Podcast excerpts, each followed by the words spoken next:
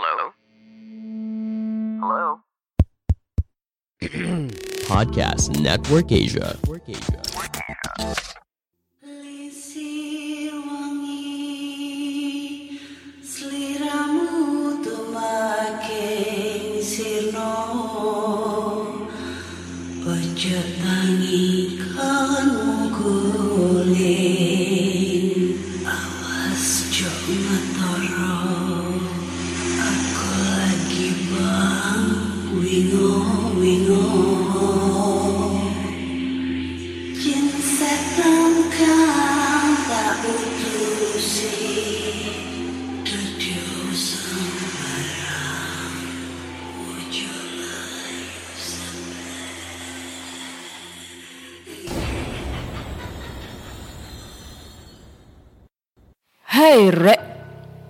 kabar? Ketemu lagi dengan aku si Ana di podcast kisah horor Dan kita bertemu di episode 191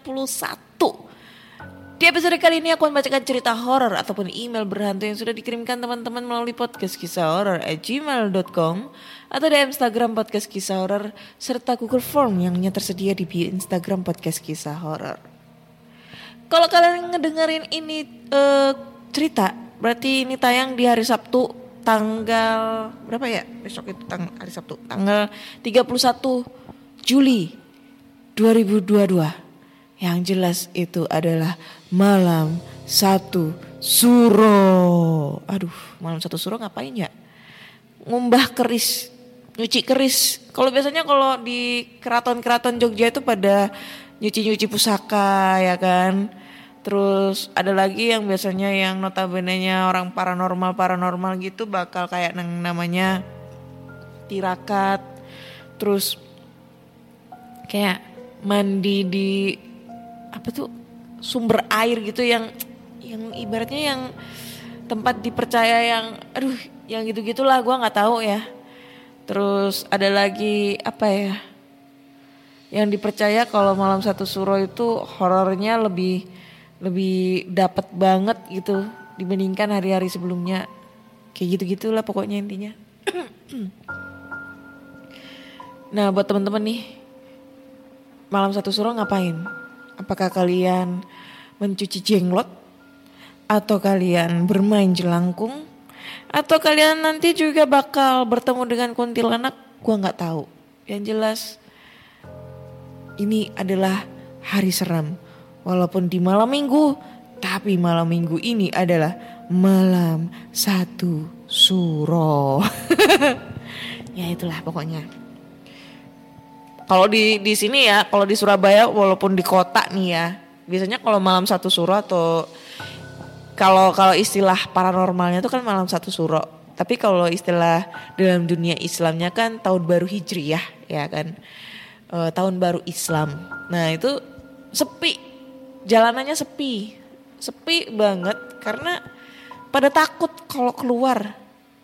Kepercayaannya sih kayak gitu sih, pada takut keluar karena banyak banget yang ibaratnya para petinggi-petinggi dukun-dukun itu me, ini me, apa namanya mengetes ilmu ya ada yang mengetes ilmu ada yang nyuci pusaka dan lain-lain kayak gitu gitulah kurang jelasnya gue nggak tahu sih tapi ada sih teman gue yang dia itu kayak kepercayaannya gue nggak tahu dia tuh muslim tapi muslimnya kejawen tapi juga selalu bertapa terus eh, kayak ada istiadatnya Hindu dan ada istiadat, istiadatnya Buddha. Ya ya gue tahu sih kita tuh warga Indonesia tidak mengenal eh, apa maksudnya tidak membeda-bedakan budaya dan tidak membeda-bedakan agama. Cuma kalau misalnya Islam kejawen itu kayak ku, gue tuh kayak bingung gitu loh. Dia nganutnya tuh kayak gimana? Kayak gitu. Nah itu biasanya dia bilang kalau biasanya malam satu suro itu dia bakal bertapa atau kayak berendam gitu di salah satu sumber air di daerah Pacet atau mana gitu Delundung atau apa gue lupa. Pokoknya daerah Mojokerto atau Pacet gitu gue nggak tahu. Pokoknya di situ. Terus dia akan ya pokoknya berendam selama semalaman bertapa. Terus abis itu dia bakal ya berdoa. Ya kayak gitu gitulah dan ya tujuannya katanya untuk membersihkan diri aja kayak gitu gitu sih. Mungkin teman-teman ada yang punya kegiatan nih di malam satu suro. Coba share ceritanya ke podcast kisah horor. Mungkin dalam malam satu suro kalian punya pengalaman apa gitu dihantuin atau gimana? Yuk. Oke. Jadi tanpa berbasa-basi lagi langsung aja kita bacakan cerita horor dan cerita pertama ini datang dari Google Form lagi. Kita habiskan cerita di Google Form ini judulnya adalah bertemu jin penunggu jalan tol Om Swastiastu Kak Ana. Wih dari Bali nih pasti. Salam kenal. Sebelumnya nama saya Koradita. Nama samaran. Ya nama sama aslinya siapa sih? Oh iya. Gua tahu nama aslinya. Gimana kabarnya kak? Baik. Semoga kabarnya baik-baik saja dan cepat diberikan jodoh. Amin. Jadi cerita kali ini dialami langsung oleh kakak kandung saya dan kejadiannya terjadi di daerah Tol Balaraja ke arah Tangerang. Kakak kandung saya memang sering bolak-balik Tangerang Balaraja karena pacarnya tinggal di daerah Balaraja. Yang kebetulan merupakan seorang pramugari maskapai pesawat terbang. Seperti biasa, kegiatan anak muda pada umumnya, mereka pergi berpacaran kakak saya otomatis harus menjemput pacarnya itu ke daerah Balaraja. Saat menjemput, tidak ada yang aneh dan semua berjalan dengan normal seperti hari-hari sebelumnya. Sampai pada akhirnya, mereka selesai berpergian dan kakak saya harus memulangkan kembali pacarnya itu ke daerah Balaraja. Setelah kakak saya sudah menurunkan pacarnya di sana, lalu pulanglah dia ke Tangerang via tol agar perjalanan dapat ditempuh dengan waktu yang singkat. Setelah keluar dari gerbang tol Balaraja, sekitar satu kilometer dari gerbang tol, tiba-tiba mobilnya mati sendiri. FBI aja nih kak, sebelum kejadian ini, Mobil yang dipakai kakak saya itu sudah diservis seminggu sebelumnya. Jadi seperti ada yang janggal kalau mobil itu tiba-tiba mati mendadak. Kebetulan kakak saya termasuk orang yang tidak mengerti masalah mesin mobil metik. Jadi pada saat itu dia memang bingung harus berbuat apa. Awalnya kakak saya mencoba menghubungi papa saya di rumah. Akan tetapi tidak direspon oleh papa saya. Kebetulan pada saat itu saya sedang berada di rumah dan kakak saya berinisiatif untuk menelpon saya. Dengan harapan bahwa saya bisa memberikan info ke papa saya agar bisa membantu dan menghampiri dia yang sedang diam di bahu jalan tol itu. Akhirnya saya pun memberitahukan hal ini ke papa saya dan pada saat itu juga kami langsung bergerak menuju bahu jalan tol di mana kakak saya mengalami mogok. Jalanlah saya dan papa saya menuju ke sana. Dan tidak sampai lima menit di perjalanan, tiba-tiba kakak saya menelpon saya kembali dengan nada yang panik. Di telepon dia menyuruh saya dan papa saya agak sedikit mengebut agar bisa sampai di sana lebih cepat. Lalu setelah saya sampai di sana, saya melihat raut muka kakak saya yang sudah sedikit pucat. Awalnya saya bertanya ke kakak, ke kakak saya, ada apa tadi menyuruh kami berburu-buru sampai di sini? Eh, menyuruh kami buru-buru sampai di sini. Eh, gimana sih? Menyuruh kami buru-buru sampai di sini. Tapi dia diam saja seolah-olah tidak mau menceritakan kejadian tadi di tempat tersebut. Singkat cerita berhasil dinyalakan dan anehnya tidak ada kerusakan di mesin seperti yang dikatakan oleh kakak saya karena ketika di starter papa saya mobil langsung mau menyala. Lalu kami pulang ke rumah dengan kondisi yang dengan kondisi saya yang mengendari mobil yang tadinya mogok tersebut dan kakak saya yang menumpang papa saya. Karena papa saya tahu kakak saya mukanya sudah pucat. Sesampainya di rumah, barulah kakak saya mau menceritakan apa yang sebenarnya terjadi pada saat dia menelpon saya dengan nada panik. Usut punya usut, waktu itu dia sedang menunggu kami di, ba- di bahu jalan tol. Yang memang kondisinya pada saat itu gelap karena hanya cahaya dari mobil yang lewat saja yang membuat jalan itu menjadi terang. Kebetulan sebelahnya itu merupakan lahan kosong yang ditumbuhi rumput-rumput tinggi atau ilalang. Dari kejauhan muncullah sesosok manusia. Awalnya kakak saya mengira sosok itu merupakan warga setempat yang mungkin tinggal di sana. Akan tetapi, setelah dia amati, di sekitar sana memang tidak ada perumahan warga sama sekali. Diperlihat, diperhatikanlah sosok yang kakak saya pikir warga setempat tersebut, yang pada akhirnya dia menghampiri mobil kakak saya. Lebih tepatnya di sebelah kiri pintu depan mobil. Sosok tersebut awalnya hanya diam di sana. Akan tetapi semakin lama mukanya mendekat ke arah kaca jendela mobil. Dan di sana barulah kakak saya sadar bahwa sosok tersebut tidak memiliki mata, hidung, dan mulut. Atau bisa dikatakan bermuka rata. Dijelaskan kakak saya bahwa perawakannya itu memiliki postur badan yang sama dengan manusia biasa. Akan tetapi tidak memiliki rambut dan daun telinga. Dia pun terkejut dengan apa yang dia lihat barusan. Dia langsung memalingkan mukanya ke arah depan dan segera menelpon saya. Kakak saya bilang kalau sosok tersebut tetap diam dengan muka yang menempel di kaca jendela, uh, anjir. mobil hingga kira-kira sampai 5 menit lalu tiba-tiba berbalik badan dan hilang dalam kegelapan di rumput-rumput yang menjulang tinggi tersebut. Mungkin sosok tersebut merupakan jin penunggu jalan tol tersebut yang kerap mengganggu pengguna jalan tol di sana.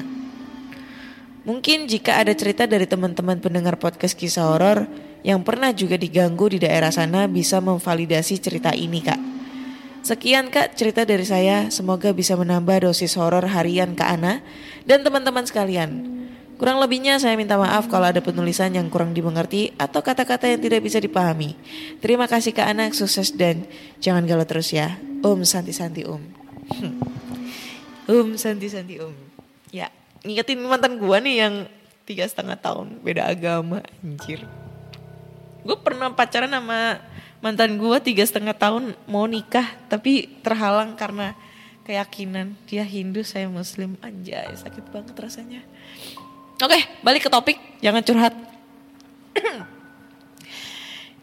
Hantu penunggu tol jin penunggu tol. Itu emang kalau yang namanya jalan tol itu di mana-mana emang nggak ada kata nggak serem. Pasti serem karena gue juga sehari-hari ya nggak sehari-hari sih karena emang kalau tiap hari nggak nggak nggak ya pokoknya intinya setiap hari nggak pakai mobil lah. Alhamdulillah. Dan nggak setiap hari juga lewat jalan tol.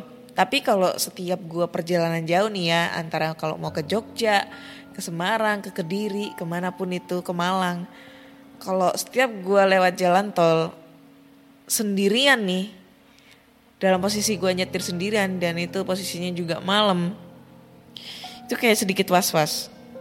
Yang gue takutin was-was pertama adalah yang paling utama adalah kalau misalnya ada hewan yang lewat tiba-tiba seperti kayak kucing atau hewan lainnya itu gue yang paling takutin. Selain gue takut nabrak selain itu juga gue nggak tega kalau ada kucing yang kelindes. Gue bolak-balik di jalan tol itu nemuin banyak banget aduh sumpah sedih gue itu karena gue juga pencit, uh, pecinta kucing ya gue punya kucing di rumah tuh ada tiga. Gue suka sedih kalau misalnya di jalan tol itu ada kucing yang tertabrak sampai kelindas truk terus sampai penyet gitu kan gue sedih banget. Sebenarnya pengen sih untuk berusaha untuk memindahkan itu jasadnya gitu ke tempat yang layak apalagi yang kucing barusan tertabrak gitu. Gue pengen banget tapi posisinya di jalan tol yang kita tahu tuh.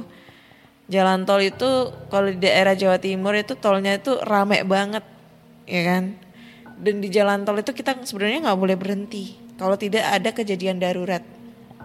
Kalau misalnya gue ngambil itu eh bangkai kucing di posisinya eh posisinya itu di tengah jalan yang ada gue juga yang mati di situ cuy.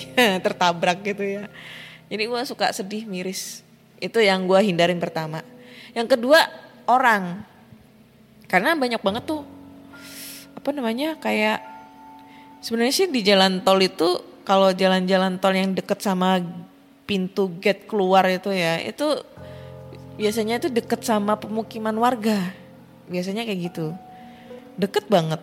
Nah gue takutnya itu pada saat ya ada bajing loncat atau apa gitu. Maksudnya dalam bajing loncat itu kayak orang yang sengaja malak di pinggir tol gitu-gitu. Nah itu gue takut tuh. Terus yang berikutnya adalah ya itu tadi setan. Gue takutnya itu bukan pas lewat di depan tapi gue takutnya itu pas berada duduk di posisi belakang kayak gitu-gitu. Nah itu biasanya yang gue takutin tuh eh yang suka gue parno itu pada saat gue nyetir gue selalu ngeliat posisi belakang lewat kaca tengah kaca depan tuh ya kaca yang ada di atas itu kalau kalian nggak tahu. Nah itu gue suka ngeliat-ngeliat gitu ke belakang kalau pas posisi nyetir. Takutnya tuh ada yang ngikut gitu di belakang. Anjir kan serem anjay. Tapi kan gue nggak nggak bisa lihat. Jadi gue nggak tahu tuh pada saat gue nyetir ngikut apa enggak kayak gitu. Itu. Tapi ya kurang lebih uh, selebihnya juga gue takutnya ya terjadi sesuatu hal yang tidak diinginkan seperti kayak kecelakaan atau lain-lain kayak gitu ya. Kayak kemarin uh, baru kemarin tuh uh, kakaknya teman aku ya uh, beliau meninggal kecelakaan tol di daerah Pasuruan yang aduh padahal itu kecelakaan tunggal gitu tapi sampai parah gitu ya semoga amal ibadahnya diterima sisi, di sisi Allah Subhanahu taala. Jadi buat teman-teman semua nih entah itu peng, apa pengendara di tol, pengendara mobil yang lewat jalan tol atau jalan raya ataupun naik sepeda motor kalian tetap berhati-hati. nggak usah nggak usah ngelamun, nggak usah terlalu banyak main handphone, nggak usah terlalu begejekan. Pokoknya fokus di jalan. Jangan sampai hal yang tidak diinginkan terjadi karena ada keluarga tersayang yang lagi nunggu di rumah. Oke? Okay? Next, lanjut ke cerita berikutnya. Cerita terakhir nih, karena kita cuma ada dua cerita aja nih ya. Cerita berikutnya ini berjudul Gaman. Hai Kak Ana, perkenalkan nama aku Rudi. Jadi judul cerita aku kali ini adalah Gaman. Saya nggak tahu deskripsi pasti dari benda ini. Mungkin teman-teman semua dari pendengar podcast kisah horor ada yang tahu. Namun dari yang saya ketahui, gaman itu sejenis jin yang diikat paksa melalui suatu medium guna melancarkan suatu niat buruk. Jadi, zaman saya SD, ada tetangga saya yang gemar memelihara binatang aduan. Mulai dari ayam, ikan cupang, sampai burung dara. Saat itu judi burung dara merupakan aset kampung yang lumayan besar. Apalagi dengan adanya lapangan untuk lepas landas. Persaingan yang ketat sering membuat orang ingin bermain curang. Saat itu tetangga saya sebut saja Klepon punya nama bagus di kalangan penjudi burung burung yang diternak oleh klepon dan bapaknya kerap membawa kemenangan, hingga membuat kompetitor menjadi iri. Siang itu saya main ke rumah si klepon, lebih tepatnya rumah kakeknya. Dia sedang menyembelih burung dara.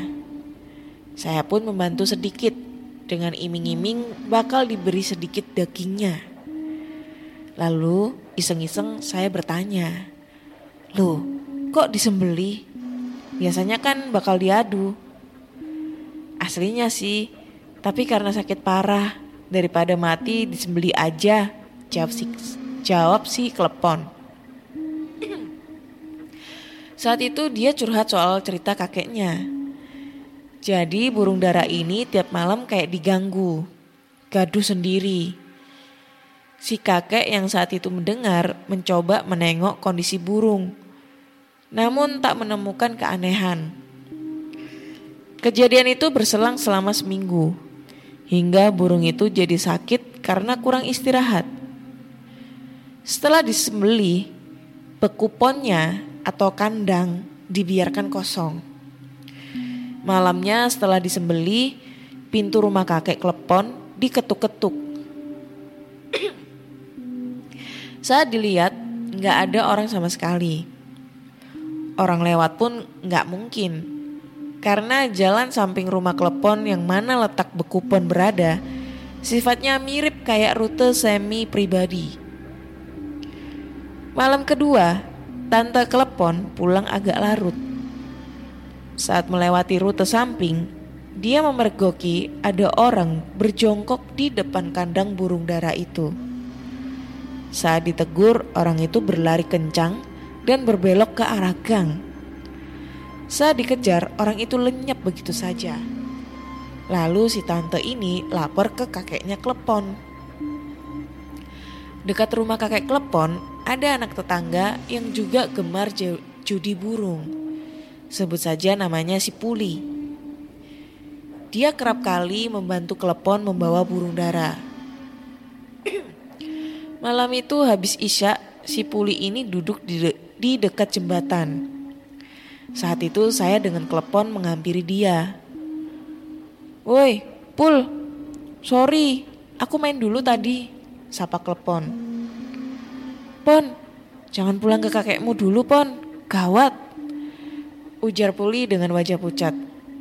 Lah, kenapa Pul? Tanya Klepon. Akhirnya si Puli cerita.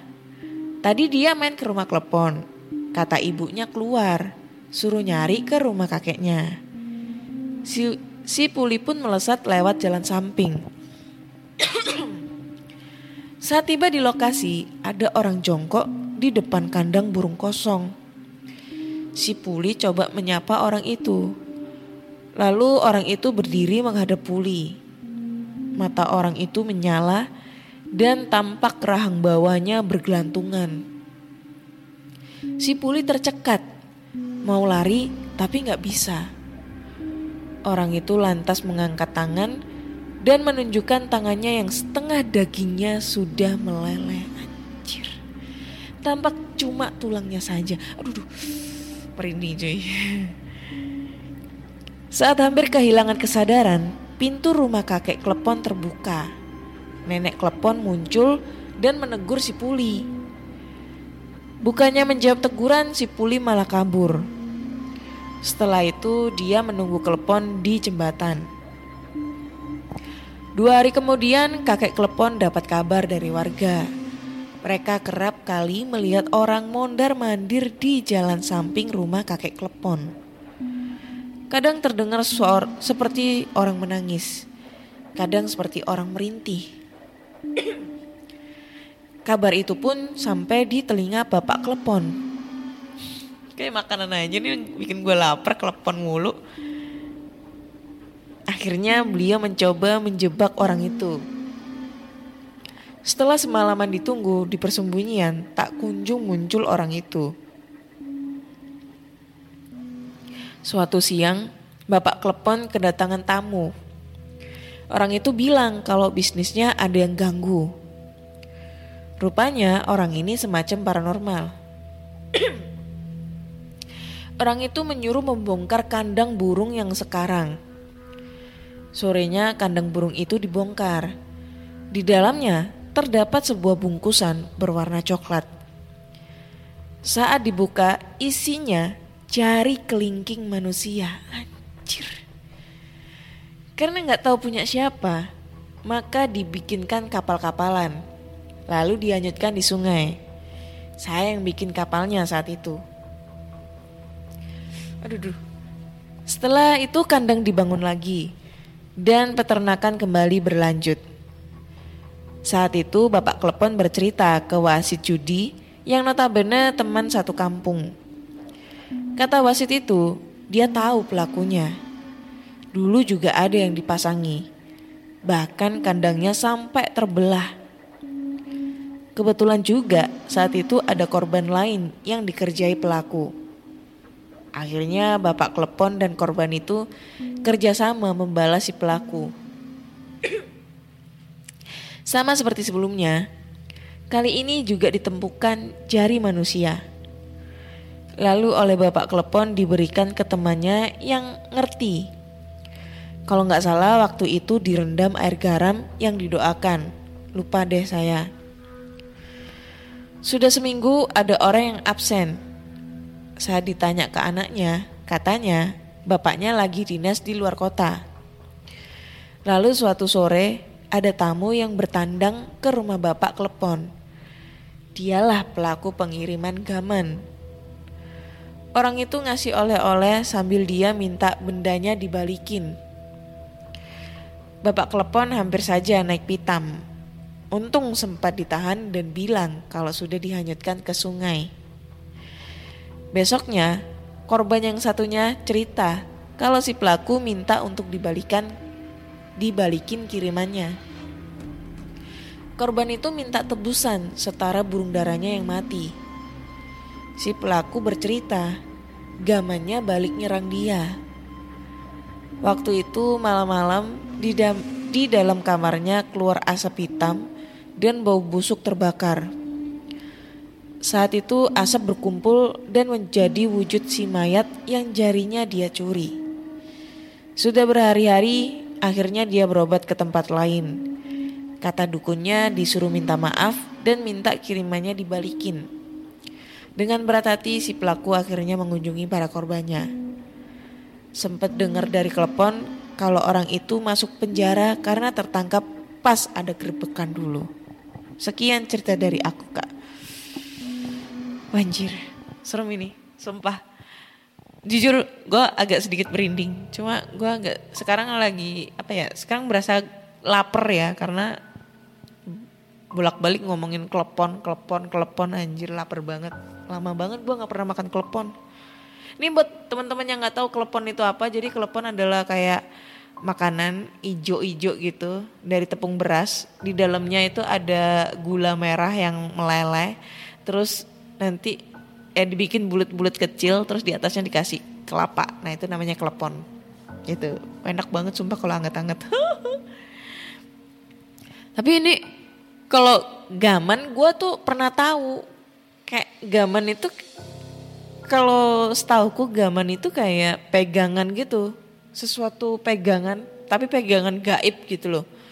Pegangan pegangan gaib buat orang yang ya mungkin yang diganggu atau mungkin buat nangkal supaya kebal kayak gitu gitulah apa segala macam kayak gitu nah itu namanya gaman kalau di tempatku sih tapi kalau di tempatnya si klepon katanya si Rudi itu oh, gaman itu sebuah benda yang tujuannya untuk hal yang tidak baik.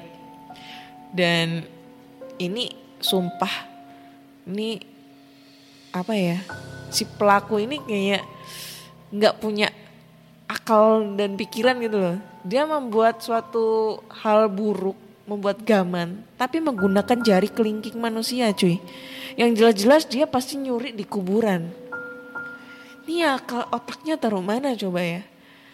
Yang biasanya kita tahu nih kalau misalnya ada salah satu jenazah nih ya yang posisinya yang tidak tidak sempurna itu pasti bakal nyari-nyari itu yang punya badan. Di mana kelingkingku, di mana kelingkingku, di mana jentikku kayak gitu-gitu kan. Kayak gitu cuy. Aduh, cuma gara-gara cuma supaya ini ya buat ngalahin si klepon supaya adu burung darahnya itu kalah. Kalau di sini di daerah rumahku eh apa namanya adu burung dara masih ada. Sampai sekarang masih ada. Yang gue paling sebel itu biasanya tuh kalau anak-anak masih muda gitu atau bapak-bapak bawa keranjang di dalamnya ada ada burung bawa motor dia suka berhenti sembarangan di pinggir jalan gitu. Langsung ngelepasin itu burung sambil kayak tepok tepok tepok gitu. Yang sebelnya tuh dia tuh berhentinya tuh sembarangan gitu loh. Langsung di pinggir jalan yang ibaratnya tuh pinggirnya tuh jalannya tuh rame banget macet gitu seenaknya sendiri. Itu yang paling sebel gua. Kayak gitu gitu tapi kalau misalnya ya makanya di Surabaya itu orang-orang main adu burung dara itu nggak ada di lapangan. Karena lapangan sekarang itu di sini tuh udah jadi kayak perumahan apa segala macam. Jadi jarang banyak eh jarang banget lapangan kecuali lapangan bola tuh. Yang ada di deket-deket sekolah kayak gitu. Dia pasti mainnya di situ. Kalau zaman dulu itu zaman gua masih kecil itu deket rumah itu masih banyak lahan-lahan kosong terus dijadikan adu burung dara. Tapi karena sekarang seiring berkembangnya zaman lahan kosong itu dijadikan rumah dijadikan toko puskesmas dan lain-lain kayak gitu-gitu tradisi sih ini sebenarnya. Oke buat teman-teman nih kalau ada pengalaman yang sama nih dengan ceritanya Mas Rudi dengan judul Gaman kalian bisa langsung aja kirim cerita kalian ke podcast kisah horor at gmail.com ya.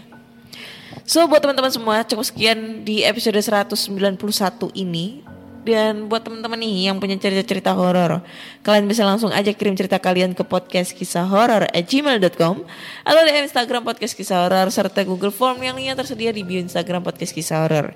Jangan lupa dengerin podcast kisah horor di Spotify, Google Podcast, Apple Podcast, dan di Noise. Dan jangan lupa kasih rating bintang 5 untuk podcast kisah horor di Spotify. Karena kalian semua udah bisa ngasih rating untuk podcaster kesayangan kalian. So, saya Ana undur diri dan terima kasih sudah mendengarkan podcast kisah horor. Bye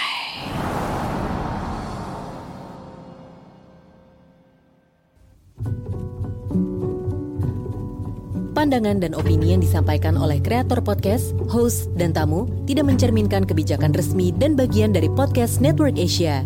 Setiap konten yang disampaikan mereka di dalam podcast adalah opini mereka sendiri dan tidak bermaksud untuk merugikan agama, grup etnik, perkumpulan, organisasi, perusahaan, perorangan, atau siapa pun dan apa pun.